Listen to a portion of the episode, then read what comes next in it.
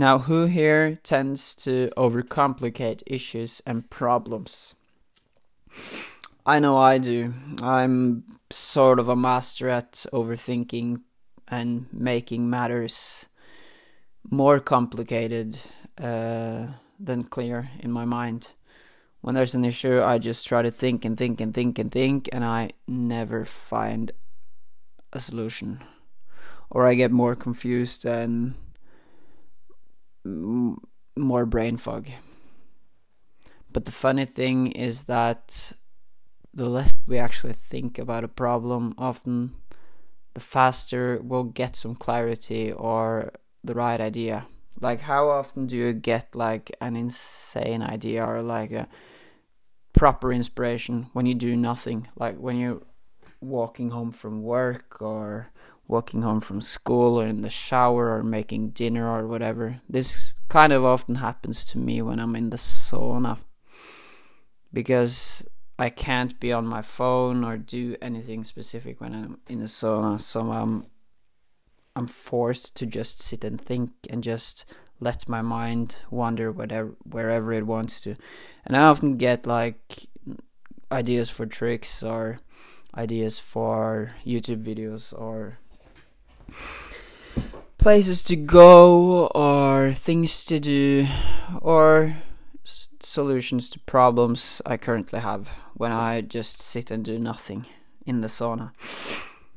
And there's this, let's call it timeless wisdom or idea from Eastern philosophy. I think it's from Buddhism uh, that I'm sure you've heard of. And it goes something along the lines of clearing muddied water by leaving it alone. You know, if you walk in a lake and it gets muddy, it doesn't clear by moving more.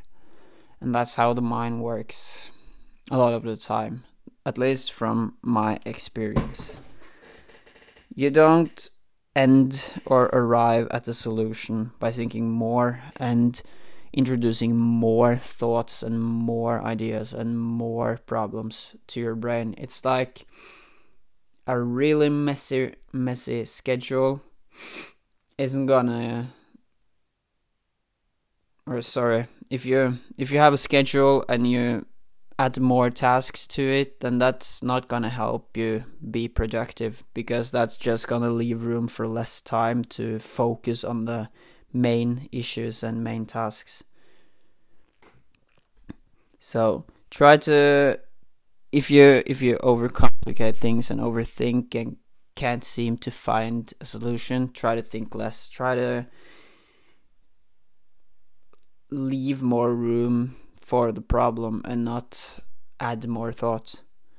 And now I'm going to get to how this translates to scootering. Because how often do we start overthinking when we're about to do a hard trick or a new trick that's a bit scary. Like you start overthinking. Maybe some of you don't, but I do. Um, before a trick or a trick that I've bailed on before, I start overthinking, and whenever that happens, the overthinking isn't gonna solve anything. You know, you start thinking of how you'll face plant over the rail, as have happened many times to me, or uh, how your wheel wheel will slip or you you'll crash into a ledge or uh, whatever.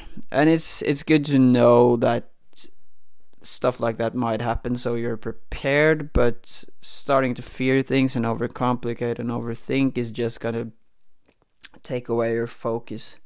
And I'm sure it's like this for other sports too. For you guys that don't ride scooters, and and it's like this for a lot of things like if you have a big test coming up or a presentation at school then you're not going to solve the issue by fearing the worst outcome and overthinking what could go wrong before you're going to start having the presentation. And so when we're practicing lines or doing familiar tricks and riding around, we don't often think when we're doing that. At least I don't. I get into a flow state where there's really no thought and I know what I'm going to do and I just am present and focus on the trick. The trick I'm I'm, I'm going to do and then the next and then the next and the pumping in between and the jumping and the timing of the jump to whatever if I'm in like a techie skate park and your mind kind of becomes empty and that's where you you gain the focus to to ride optimally.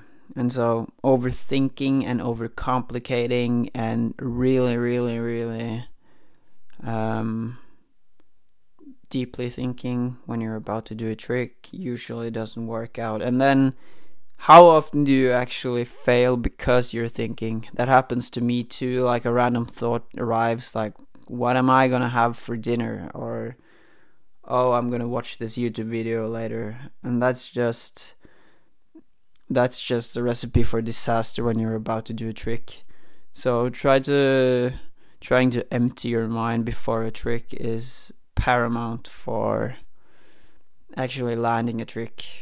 I've found this to be true for a lot of different types of riding and types of tricks. Like before a box jump trick, if I start thinking when I'm going down the roll in, then yeah, I'm gonna fail the trick. But if, depending on the difficulty of the trick, of course, but if I try to just visualize the trick before I'm gonna go, if it's like a medium to hard trick that I don't have safe, that I do sometimes then visualizing the trick and then just jumping into it and going and just focusing on the motions and the body and what I'm going to do without any thought interrupting then then I'm much more likely to get the trick.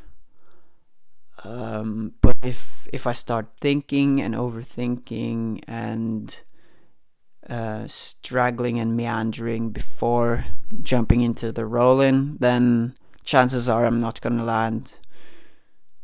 So I I hope this uh, relates to you, or you could get some lesson from it. It might that it might help you. I'm sure this is the the case for a lot of people. Like you can kind of see when people start thinking about something before doing a trick because you can see that they're not completely focused and you can feel it yourself when you're not fully present. And that's when we make mistakes, and that's why it's so important to avoid the overthinking and uh, exaggerating fears and uh, complicated thought. You know, riding is supposed to be like this freeing thing, like it is for me. When I go ride, I I can leave my problems outside of the skate park, but sometimes you start thinking and you start exaggerating whatever issue is present, or you start going on on your phone and distracting yourself. And that's not good too, because that puts you out of your sort of focus and intent. But it it happens so fast. I hate it, like the procrastination of taking up my phone and starting to answer to Snapchats and check Instagram and I don't know, maybe go into into YouTube and check some YouTube videos. Like it, it happens so fast, and when you first start doing it, then you keep doing it. And if you if you tend to like check your phone a lot when you're riding, then it's easier to get a lot of thoughts in that you don't need to, and you're you're more likely to get distracted. Now you might be really good at sort of filtering out all the thoughts that come from distractions, but I'm not, so I try to limit limit the distractions and just focus on the writing. So that's pretty much the subject for this episode. I think I remembered to go through all of the um, points I had. Just yeah just just really get into it. That's what i was gonna say. Sometimes the best solution to eliminating all the um, nagging thoughts and the overcomplicating and maybe even even self-sabotaging and fear is to just get into it.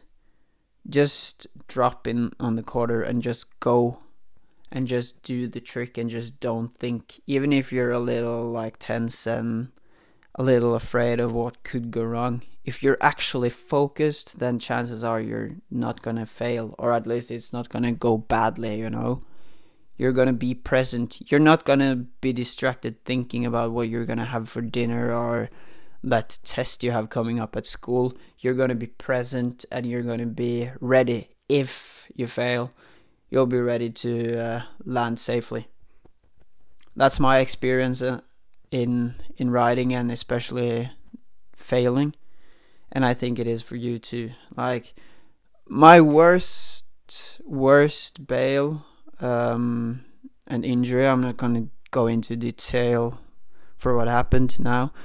Uh, most of you probably, or some of you probably know what happened. It's quite funny. I'll get into it in another episode, but uh, it was I like I I had to get surgery and everything, and I I got injured by doing a 360, taking my foot off over the like a spine spine box I have at my ramps. First trick of the session, I was like impatient to go ride, and I didn't have focus at all.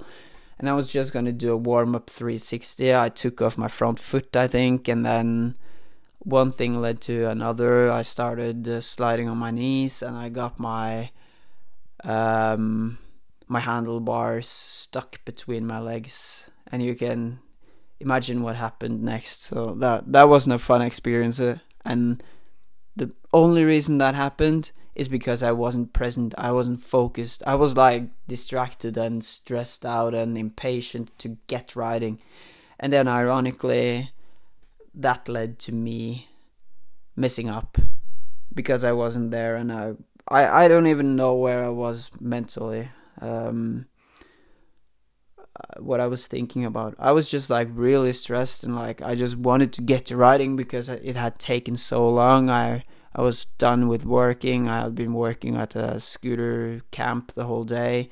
It was like five o'clock in the afternoon, and a lot of guys were coming to ride and I I just rushed things and yeah. So overthinking not a good idea. It's better to just leave the mind be and clear things and do your thing. You don't need to think a lot to ride. Of course, you have to be present, but you know what you're going to do.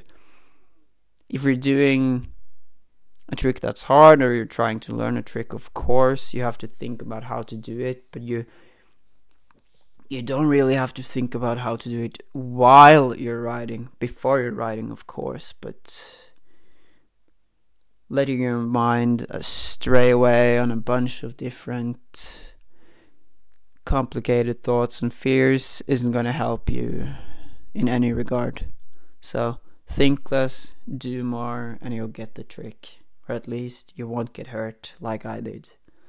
And that's today's episode. I hope you enjoyed this. It got a little longer than I expected it to be, but hey, I got through all the points I had, so that's that's fair, I think. I hope if you stuck with me until now, I want to thank you for listening and I hope this helped you in some regard, or you could apply some of the ideas here in your own life and your own writing. And um, I hope you tune in for the next episode. And please, if you enjoyed it, be sure to share it on your story or share it with a friend or whatever who you think might um, find this fascinating or interesting or helpful. And that's me for today. Bye, guys.